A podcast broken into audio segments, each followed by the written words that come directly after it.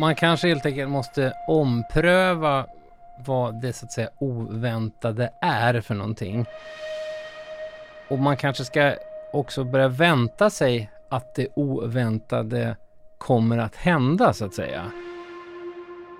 Vad var, vad var sannolikheten att den tredje människan vi träffade var just den där?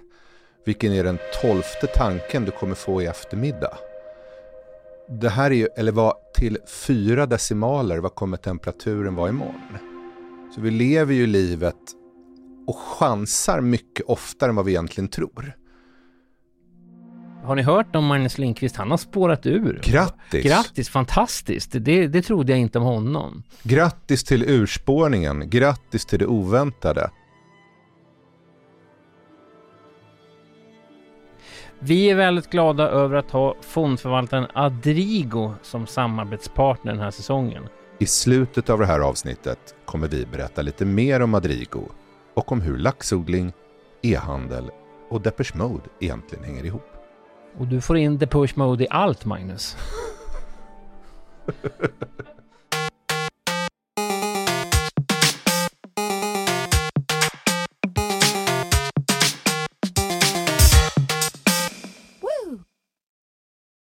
Hej och välkomna tillbaka till Gradvall och Magnus. Med mig Magnus Lindqvist, futurolog.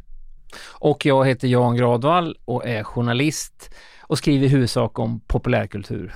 Vet du um, hur man vet som människa att man har fattat rätt beslut i livet? Nej, jag bara direkt nu säger det, det finns ju massa olika scenarion. Det är den här Gwyneth Paltrow-filmen Sliding Doors som handlar om hennes två olika liv baserat på om hon hade gått in i en tågvagn eller inte. Så, så den, den, den skildrar ju båda de alternativen. Och sådana alternativ har vi hela tiden så att varje dag man går och lägger sig så kan man ju tvivla hur länge som helst på om man gjorde rätt beslut den dagen. Och därför så tänker jag alltid på om man verkligen fattade fel beslut så skulle det ju troligtvis komma en framtida version av en själv eller barn, barnbarns barnbarn i en tidsmaskin försöka stoppa en. Så sättet man vet att man har fattat rätt beslut är att det inte kommer någon resandes i tidsmaskin och försöker stoppa en. Precis, så att Christopher Nolan har fattat fel beslut flera gånger. Hans filmer, det finns ju fler att det kommer folk från framtiden och gör någonting. Men han är kanske också besatt av den där tanken så att säga. Ja, intertemporalt resande. Mm. Vi ska prata om det oväntade idag. Ja, och avsnittet heter ju till och med Det oväntade anfaller. Apropå science fiction-filmer och... Nej, men det mest googlade ordet 2020 var unprecedented, vilket är så fint engelskt ord som betyder utan förlaga. Det finns ingen riktigt bra svensk översättning. Nej, jag har faktiskt googlat det. Jag började googla det typ i oktober, november så glömde jag bort vad det var hela tiden för att varje gång det hände någonting nytt i USA så var det att Trump hade gjort någonting som var unprecedented. Och jag tror rubriken var The use of the word unprecedented is in itself unprecedented. Och det här är ju en kulmen nästan på 20 års oväntade saker. 11 september, finanskraschen, Brexit, Trump. Det finns ett berömt citat av Sveriges före detta framtidsminister Kristina Persson. Där hon pratade om just att det här flyktingmottagandet som skedde i Sverige eh, 2014-2015, att det var utan förlaga, att man inte kunde föreställa sig hur stort det kunde bli. Vi kunde inte föreställa oss att det skulle fortsätta att öka i samma hastighet som det hade gjort. Det var unprecedented. Det också. På senaste året har jag tänkt mycket på pandemin. Eh, dels så finns det ju Världshälsoorganisationens smått ökända tweet från januari 2020 där de säger eh, det finns inga tecken på att det här sprider sig från människa till människa. Men jag satt ju med på Nouriel Rubinis dragning. Han kallas ju ibland för Dr. Doom, en sån här otroligt eh, pessimistisk ekonom eh, och han talade i januari 2020 och då hade då redan pandemin brutit ut i Kina. Han nämner inte vid ett enda ord. Det enda han fixerar sig vid är huruvida det kommer bli krig mellan Iran och USA, vilket då kändes angeläget. Och vi är bokstavligen då sex veckor från kanske världens största katastrof sedan andra världskriget. Eh, så det finns ju, alltså det oväntade har börjat spela en allt viktigare roll, åtminstone i nyheternas och politikens och rubrikernas värld, tänker jag.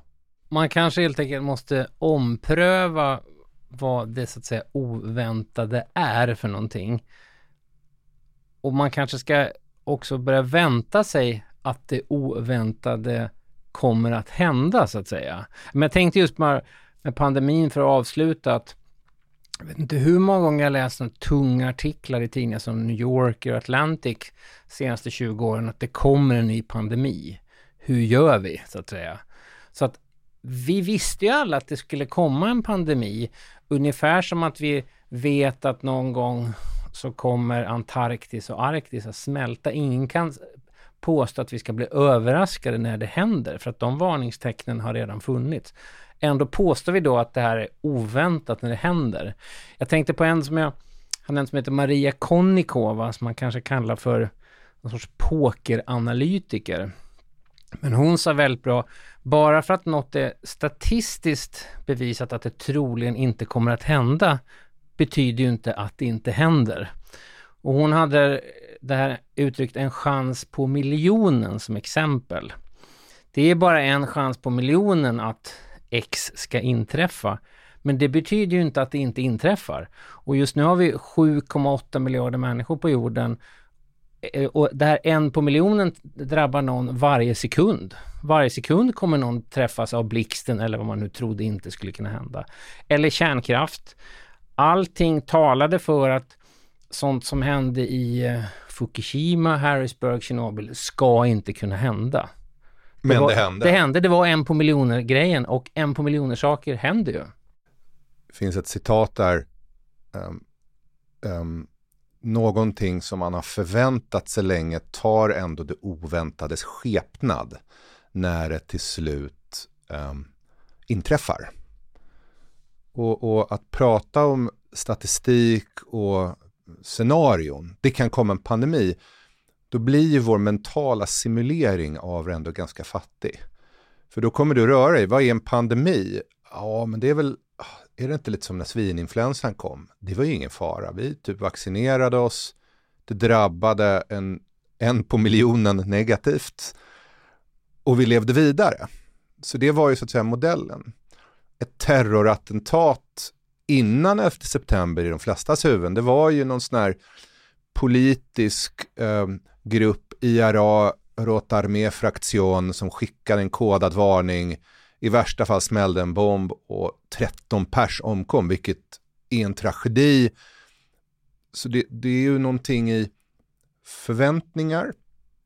Och då får man inte glömma att oväntat är ju inte en beskrivning om världen. Därför världen är oväntad. Exakt, exakt. Utan det är, det, är en, det är ett avslöjande av sin egen mm. fantasibrist. Mm. Och det är väl också så med risk för att bli väldigt djup.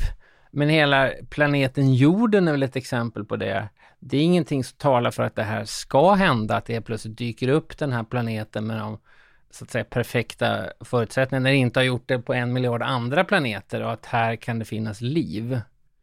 Eller ta vår dag idag. Vad var, vad var sannolikheten att den tredje människan vi träffade var just den där? Vilken är den tolfte tanken du kommer få i eftermiddag? det här är ju, eller vad till fyra decimaler, vad kommer temperaturen vara imorgon? Så vi lever ju livet och chansar mycket oftare än vad vi egentligen tror. Sådär att vi, vi, det här skulle kunna hända, eller jag vet, varje gång du bestämmer dig för att byta fil så tar du ju en dödlig risk. Eller varje gång du sätter dig på ett flygplan, likadant. Men den är så begränsad och liten att du bestämmer dig för att jag, jag gör ändå och, det, och det, går det passerar inte ens den medvetna dimensionen. Något jag har tänkt på är dock, det är lätt att prata om det negativa och oväntade, pandemier och meteoriter som slår in i jorden. Men det finns ju också ett positivt oväntade. Och jag tänkte på ett citat av artisten Jule. Alaskanska artisten Jule.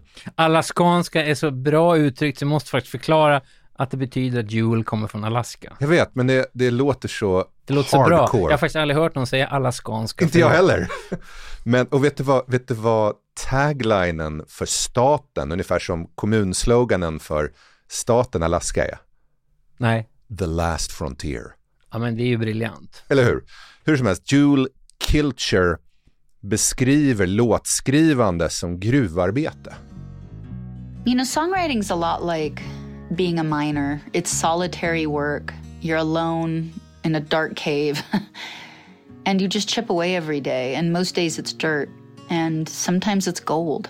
But with songwriting, you don't always know. Att man hackar ensam i mörkret och hittar mest sten, damm och smuts. Men ibland hittar man ädelstenar i termer av låtar. Det är ett exempel på det positiva oväntade. Mm. Nej, men och, och se till att man är öppen för det oväntade också, så att säga. Att man inte då lever ett sånt liv eller har en sån karriär, oavsett om man är ett företag eller en privatperson, så att man minimerar eh, chansen eller då risken att det oväntade ska hända, så att säga. Att man ska vara öppen för det.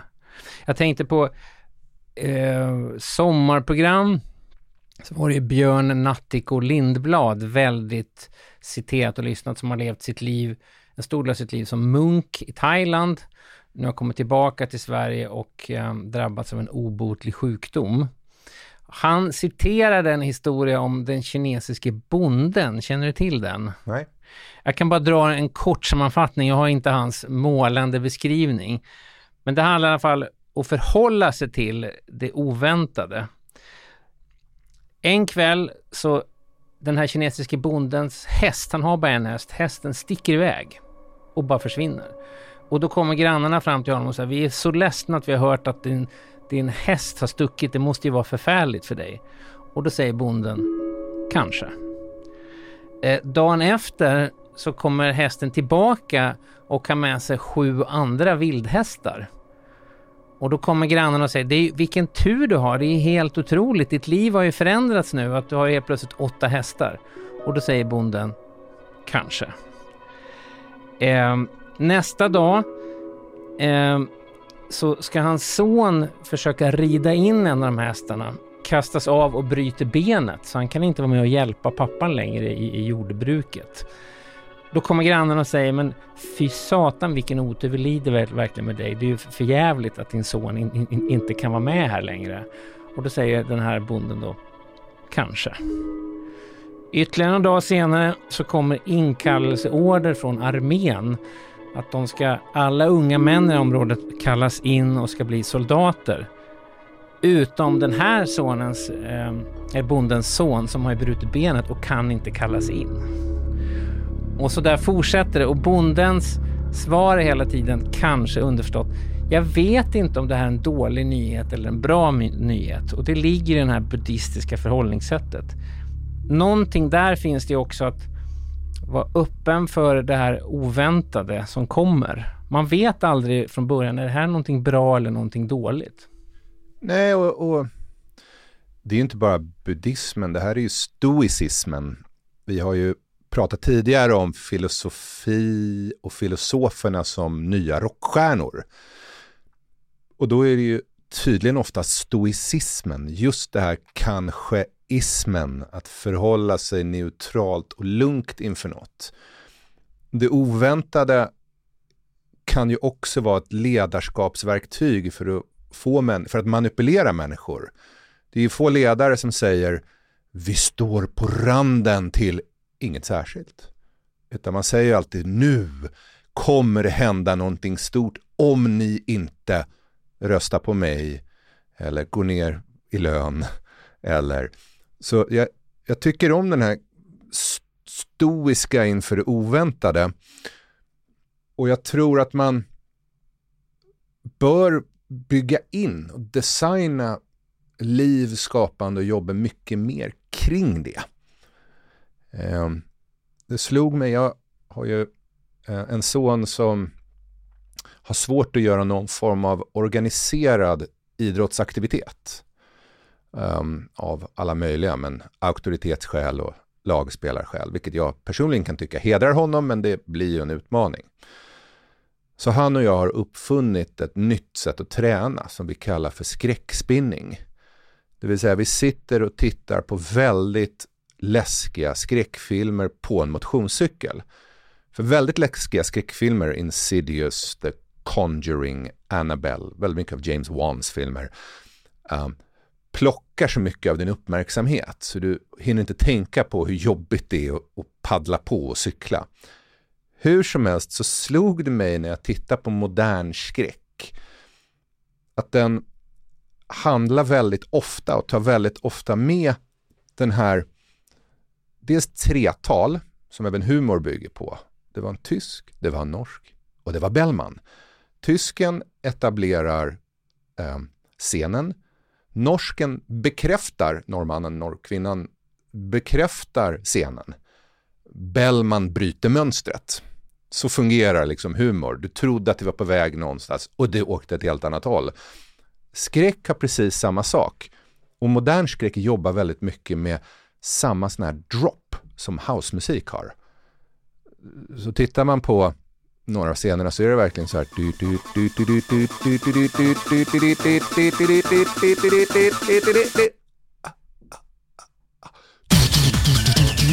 Den där pausen och droppen och, och det blir, den blir ju kemisk och när jag och min son cyklar så blir det ju ett enormt adrenalinpåslag och det är ju verkligen ett sätt att bjuda in en, en oangenäm känsla. Skräck och rädsla är ju i grund och botten något man vill undvika. Det oväntade är någonting, men, men det skapar ju hela stämningen och spänningen. Um.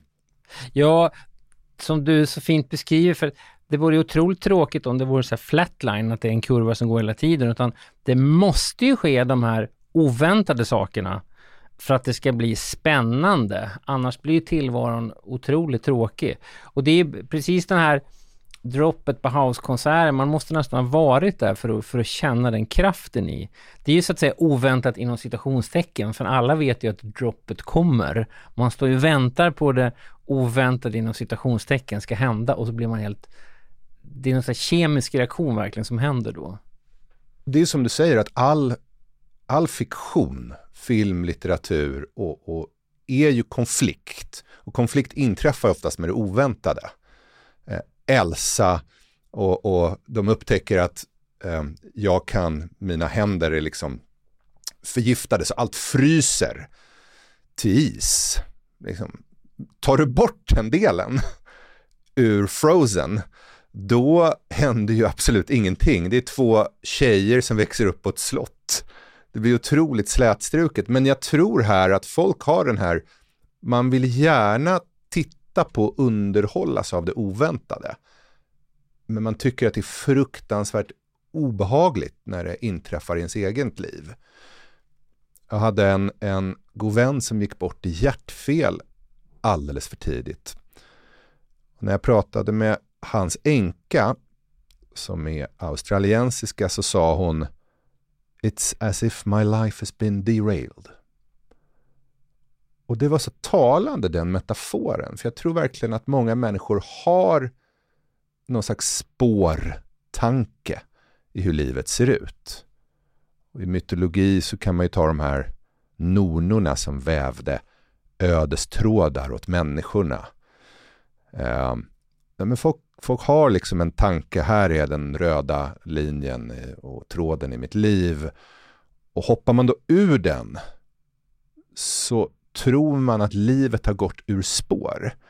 Om du bara tänker på det vi har sagt hittills så kan man ju känna vilken, vilken felaktig bild av Verkligen. livet det är. Det är en ganska konstig bild just för att man säger ju om någon, den här personen har spårat ur, precis som idealet vore och tuffa fram som någon sorts X2000 genom tillvaron och bara missa alla stationer så att säga. Så det är en väldigt konstig bild. Men den kanske kommer från ett en gammal tid. Den har liksom flera hundra års erfarenheter i sig att tåget var pålitligt, man kunde lita på det, det är någonting bra. Så ser det inte riktigt ut nu. Nu borde ju urspårat snarare vara väldigt positivt sådär. Har ni hört om Magnus Lindqvist? Han har spårat ur. Grattis! Grattis, fantastiskt! Det, det trodde jag inte om honom. Grattis till urspårningen, grattis till det oväntade. Som så många saker så, så sa man felaktigt att det var ett kinesiskt ordspråk. Det är det tydligen inte, men vi, vi, vi springer med mm. det. Kinesisk förbannelse var må du leva i en intressant tidsålder. Mm. Och det, ju, det, spelar ju med det här att urspårad, oväntat ska vara någonting att gratulera och hylla. Och det är också så här, det är också viktigt det där, för att förvänta sig det väntade, det kommer inte vara en, en bra väg fram. Det finns ju en av många bra saker att se på Netflix är den här The Playbook, där olika då coacher inom olika sporter eh, berättar om hur de jobbar, så att säga. hur coachar den här stjärnan. Det är bland annat då Serena Williams, eh, tränare med, som är grek-fransk, jag kommer inte ihåg vad han heter. Sen en annan inom basket, eller ett par olika inom basket. Men du i alla fall den här kvinnliga basketcoachen berättar att en av hennes spelare kom fram till henne och var väldigt så här ångestfylld och sa att jag vågar inte ta den här trepoängsskottet för att tänk om jag missar. Eh, och då, jag kommer inte ihåg exakt, har du det citatet? Vad, vad säger hon då? Vad heter hon? Dawn Staley, coachen, säger But I don't, I don't want you to feel comfortable right now. I want you to be uncomfortable. Exakt, och det tycker jag var så briljant för att om man tror att man ska vara bekväm varje gång man ska göra det här svåra skottet, det är helt orealistiskt. Och vad Don Staley briljant säger att jag vill att mina spelare ska vara obekväma på planen. Hur översätter man det till ett företag? Hur får man sina anställda att vara obekväma på ett bra sätt? När OMX byggde nytt huvudkontor i Värtahamnen, en gammal Ford-fabrik som de byggde om, och det här var vid millennieskiftet någon gång, då försökte man bygga in obekvämligheter. Så ett exempel var att man byggde lunchmatsalen i läktare. Där du satt bättre ju högre upp på läktaren du gick. Så längst nere var det på nivå pinnstolar och högst uppe var det på nivån fåtöljer. Det är ett sätt att bygga in. Det är så. Jag har faktiskt varit på Ikea i Älmhult eh, ett par gånger. De har faktiskt en lunchläktare. Jag vet inte om det har någonting med detta att göra. Men man kunde sätta sig i bord. Man kunde också sätta sig på läktaren när man åt. De kanske har hört talas om detta. Många pratar ju om framförallt på senare år när träning har blivit så inne och då, då pratar man ju om bekvämlighetsträna. Och det är att du alltid gör samma sak som du vet att du nätt och jämt kommer klara av. Och så svettas du och så fortsätter du att se ganska bra ut naken.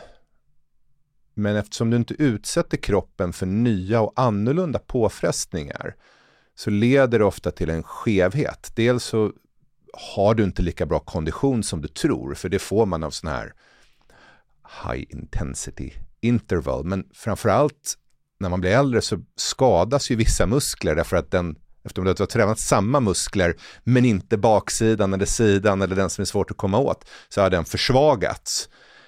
Um, så, det, så det är verkligen en vits att för sin hälsas skull där också bygga in det oväntade mm, mm. och obekvämligheten. En som gör det briljant är ju Zlatan. Eh, jag har intervjuat Zlatan flera gånger till och med, men han säger det att folk säger att du gör så oväntade saker på planen. Det är ingen som han som kan göra de här otroligt konstiga karatesparkarna som ingen har sett förut. Men han säger ju bara, och jag ska inte ens försöka härma hur han säger, men han bara, ja men jag tränar för det. Han tränar för det oväntade. Han, han är väldigt inspirerad av Fifa. Han kollar så här, då, då ser han var befinner sig de andra på planen. Och sen så tränar han väldigt mycket kampsportsliknande saker för att bli atletisk på ett sätt som fotbollsspelare inte har varit. Så att när Zlatan gör den här bizarra cykelsparken man inte har sett förut, det beror ju på att han har tränat på att det oväntade ska kunna hända. Då tänker jag på Kate Bush som verkligen gör karatesparkar fast i sin karriär. Och samma sak, det finns en mängd sådana oväntade artister. Eller hur? Kate Bush är jätteviktig på det sättet för att skivbranschen säger också ofta att vi letar efter oväntade. Men i själva verket så gör de nästan inte det för att det är väldigt svårt att pitcha in någonting som man inte kan sätta i ett fack. Efter Beatles så ville man ha band som inte var Beatles men påminde om Beatles, så man kunde förklara vad det här var. Sen kom då Kate Bush och var en sån här briljant 16-åring som mer hörde, hon var mer en författare än en popartist som byggde såna här sagovärldar, såg helt annorlunda ut. Du kunde inte placera henne i någon genre överhuvudtaget, men efter att Kate Bush lyckades så öppnade hon dörren för andra artister som heller inte går att genrebestämma. Det var nästan som att hon skapade en sorts det oväntade genre och öppnade dörren för massor, Tori Amos, eh, Lali i Sverige, som man då på mötet har kunnat pitcha in som, ja ah, men det, hon är lite som Kate Bush. Eh, så hon är en otroligt viktig artist i musikhistorien på det sättet.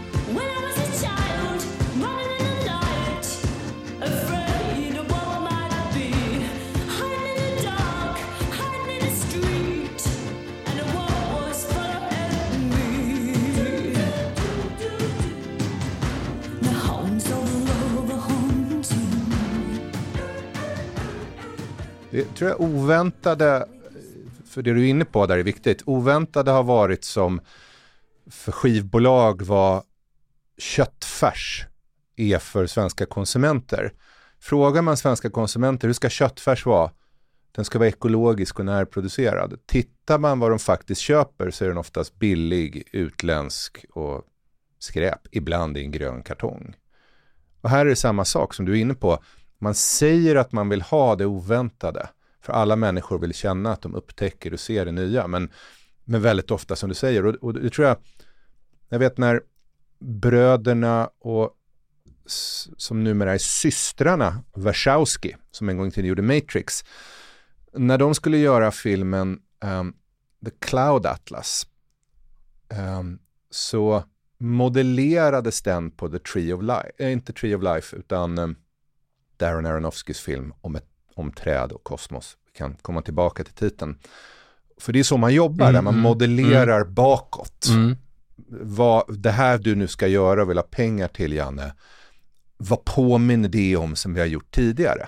Hisspitch är ett ord för Man måste på tre, fyra rader förklara vad är det här för någonting. Men går ju då ofta miste om hela utvecklingen mm. och, och, det som faktiskt då blir nytt. För det är ju det är bara de som går för långt som förstår hur långt man kan gå. Mm.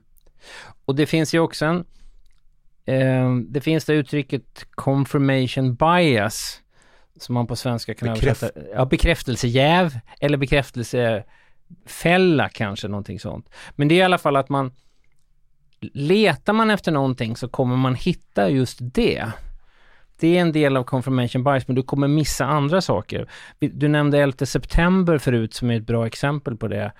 Där då CIA har som jobb att undvika att det oväntade anfaller.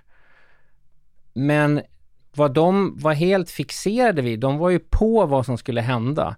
Men de tänkte, var smäller de bomben? Eh, hur ska de köra in? De visste till och med att det kan hända någonting på World Trade Center. Att hur ska de få in den här bilen under fullastad med dynamit som ska kunna spränga tornen? Men som då var unprecedented var ju det som hände. Det var, fanns ingen motsvarighet till att tänka att någon skulle förvandla ett helt passagerarplan till en enda stort självmordsbombare. Det var så djävulskt att ingen hade föreställt sig det alls. Och jag, jag lyssnade på en jätteintressant poddintervju med en CIA-chef som heter John Brennan som var chef för CIA under Obamas tid. Och han hade en, en oväntad take på det här för han sa för vissa företag är det här diversity, mångfald, det är någonting man bör göra, ungefär som att man bör återvinna saker för att framstå som god. Men han sa, för CIA är det helt nödvändigt vi kan inte göra vårt jobb om vi inte har en total blandning av etnicitet, sexualitet, religion och kön, utan CIA vill verkligen ha anställda som kanske har hijab på sig eller vad som helst, för att annars kan de inte göra jobbet. Som stör varandras världsbild för att det är bara där i man kan hitta... Ja, och om man inte speglar hur världen ser ut så kan man aldrig vara öppen för det oväntade. För då kanske någon annan säger, likadant eh, blivit besatt av underrättelsetjänster känner jag. Men The Weeknd hade en väldigt intressant intervju med Lena Hallin som är chef på MUST. MUST är då Säpo kollar att inget händer i Sverige. MUST kollar att inget hot kommer utifrån. Och hon sa att det förväntade är ju att hela tiden tänka i termerna krig och fred. Att när ska nästa anfall ske? Hur sker det? Vad som snarare är verkligheten nu är att det sker små anfall hela tiden. Hon jämförde det med en dimmer, så att säga. Som det, det sker små anfall varje dag via cyberattacker och sånt. Dimmen ökar och sjunker, men det är inte en på och av-knapp. Du kan inte säga krig och fred längre. Det är inte det, precis, det är inte en binär lyse, etta, nolla, utan det är ett relä som Exakt. går i faser.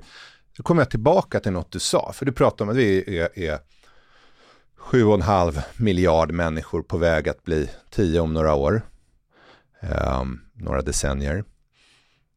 Och då i fysiken så pratar man ju om att väldigt tätt ihopkopplade um, system blir instabila.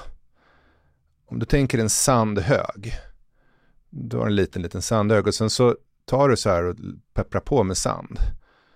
Då vet du att någonstans kommer den här sandhögen att kollapsa. Det blir som en lavin. Och det ser man i grustag och sandlådor. Och skulle du och jag sitta på en strand och bygga en sandhög skulle vi kunna se det i. Det är dock helt omöjligt att förutspå exakt när. Det är som jordbävningar. Du vet att här, här sker det jordbävningar. eh, det kommer nog ske en stor jordbävning så det är bra att vi bygger för det men vi har ingen aning om exakt när och var. I, i, och det är likadant med den här delen, ett system som består av 7,5 miljard hjärnor är ju klart att då blir ju instabilt. Men, och det kan vara negativt, och vi har pratat en del om negativa och hot och krig, men det kan ju också vara enormt positivt. Nästa Lale som föds, nästa Einstein som föds. Och där finns det ytterligare en grej man måste resignera inför. Och det är att du kan ju aldrig förutspå en uppfinning, för om du skulle kunna göra det hade du ju redan uppfunnit den. Så det blir ju alltid en, en upptäckt eh, i, i, i skapandet. Det är tillbaka till Jules gruva där, att, och den gäller ju alla. Alla hackar vi en gruva i mörker, oavsett om vi är journalister, futurologer, entreprenörer, forskare, poliser. Och större delen av det är ett otacksamt, Mm. dammigt arbete, men plötsligt Mm. så stöter vi på någonting. Det där är faktiskt, det kan man ta med sig just det här med att det är ändå viktigt att man hackar i gruvan. För att går du inte till gruvan och hackar, då kommer du inte hitta det oväntade. Det oväntade kommer liksom inte att flyga in automatiskt, utan du, du måste vara på väg. Om du jobbar på CIA så måste du fortsätta titta på alla de här övervakningskamerorna, papperna. Eller om du är artist så måste du ta in saker. Vi pratade i säsong ett om Feed the Well. Fortsätt hacka i gruvan för att annars kommer du inte hitta det här oväntade som visar sig vara det mest värdefulla som du har upptäckt. Och när du säger det så tänker jag direkt på Tinder som är någon slags riskminimeringsverktyg för att undvika att träffa människor. Eh, ser man inte bra ut på ett kort man har skickat in så kan man i princip glömma om att få gå på dejt eller ens bli swipad åt ett visst håll. Och det är ju en risk och tidsminimeringsåtgärd som gör att människor missar väldigt mycket i magin i mötet. Vi, du, både du och jag och, och alla som lyssnar har ju människor som rent tekniskt, teoretiskt inte borde passa ihop. Och det är just det som gör att de passar så väl ihop. Och det, det går man ju miste om då om man inte hackar i datinggruvan. Exakt, exakt. Jag har ett tips som också har att göra med att bygga in i en oväntad tid en, en förmåga. Det tar jag från en studie som gjordes ehm, av så kallade superforecasters, människor som är otroligt bra på att förutspå. Bara för att summera den snabbt så, så gjordes den någonstans skiftet 80 till 90-tal. Och så fick en massa experter svara på en frågeformulär. Vad kommer hända? Hur kommer det gå för Sovjetunionen? Hur kommer börsen gå? Vilka är de tio största bolagen? Och så fick man svara och det var så här jättelångt formulär.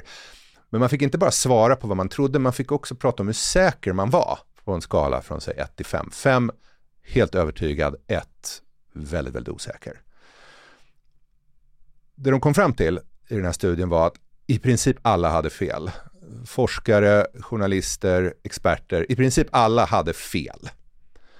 Men några hade lite mindre fel och i vissa fall lite mer rätt. De väldigt osäkra.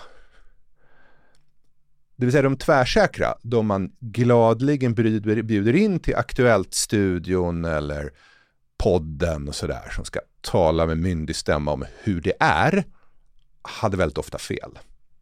De veliga osäkra, fast jag vet inte. De lyckades i vissa fall pricka in. Lärdomen från det här också, det var att de osäkra var mycket bättre på att rekalibrera. Hela tiden utvärdera, hur gick det? Testa och se och skruva på den här mm. dimmen. Ja, men det är nog lite mer så. Och här kommer ju stolthet tyvärr in. Människor är obenägna att säga jag vet inte eller jag hade fel. Man försvarar hellre en idiotisk uppfattning eller en ren felaktighet längre än att faktiskt säga jag hade fel, jag går vidare. Mm. Så var lite flödande i det, ja. tänker jag. Man kan ju också säga så här. Du lyssnar på podden Gradval och Magnus. Den enda podd i Sverige som tvärsäkert kan säga vad som kommer att hända i ditt liv nästa vecka? Och svaret är att det kommer vara någonting oväntat.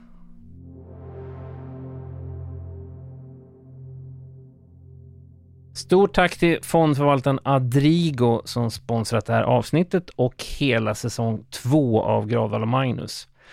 Adrigo Magnus, vad är det för namn egentligen? Från latinet att växa. Och växa kan man göra på många olika sätt, men vår podd handlar ju om att växa i sin förståelse för hur saker hänger ihop. Hur nytänkande kan handla om allt ifrån konst till en poplåt till entreprenörskap till investeringar.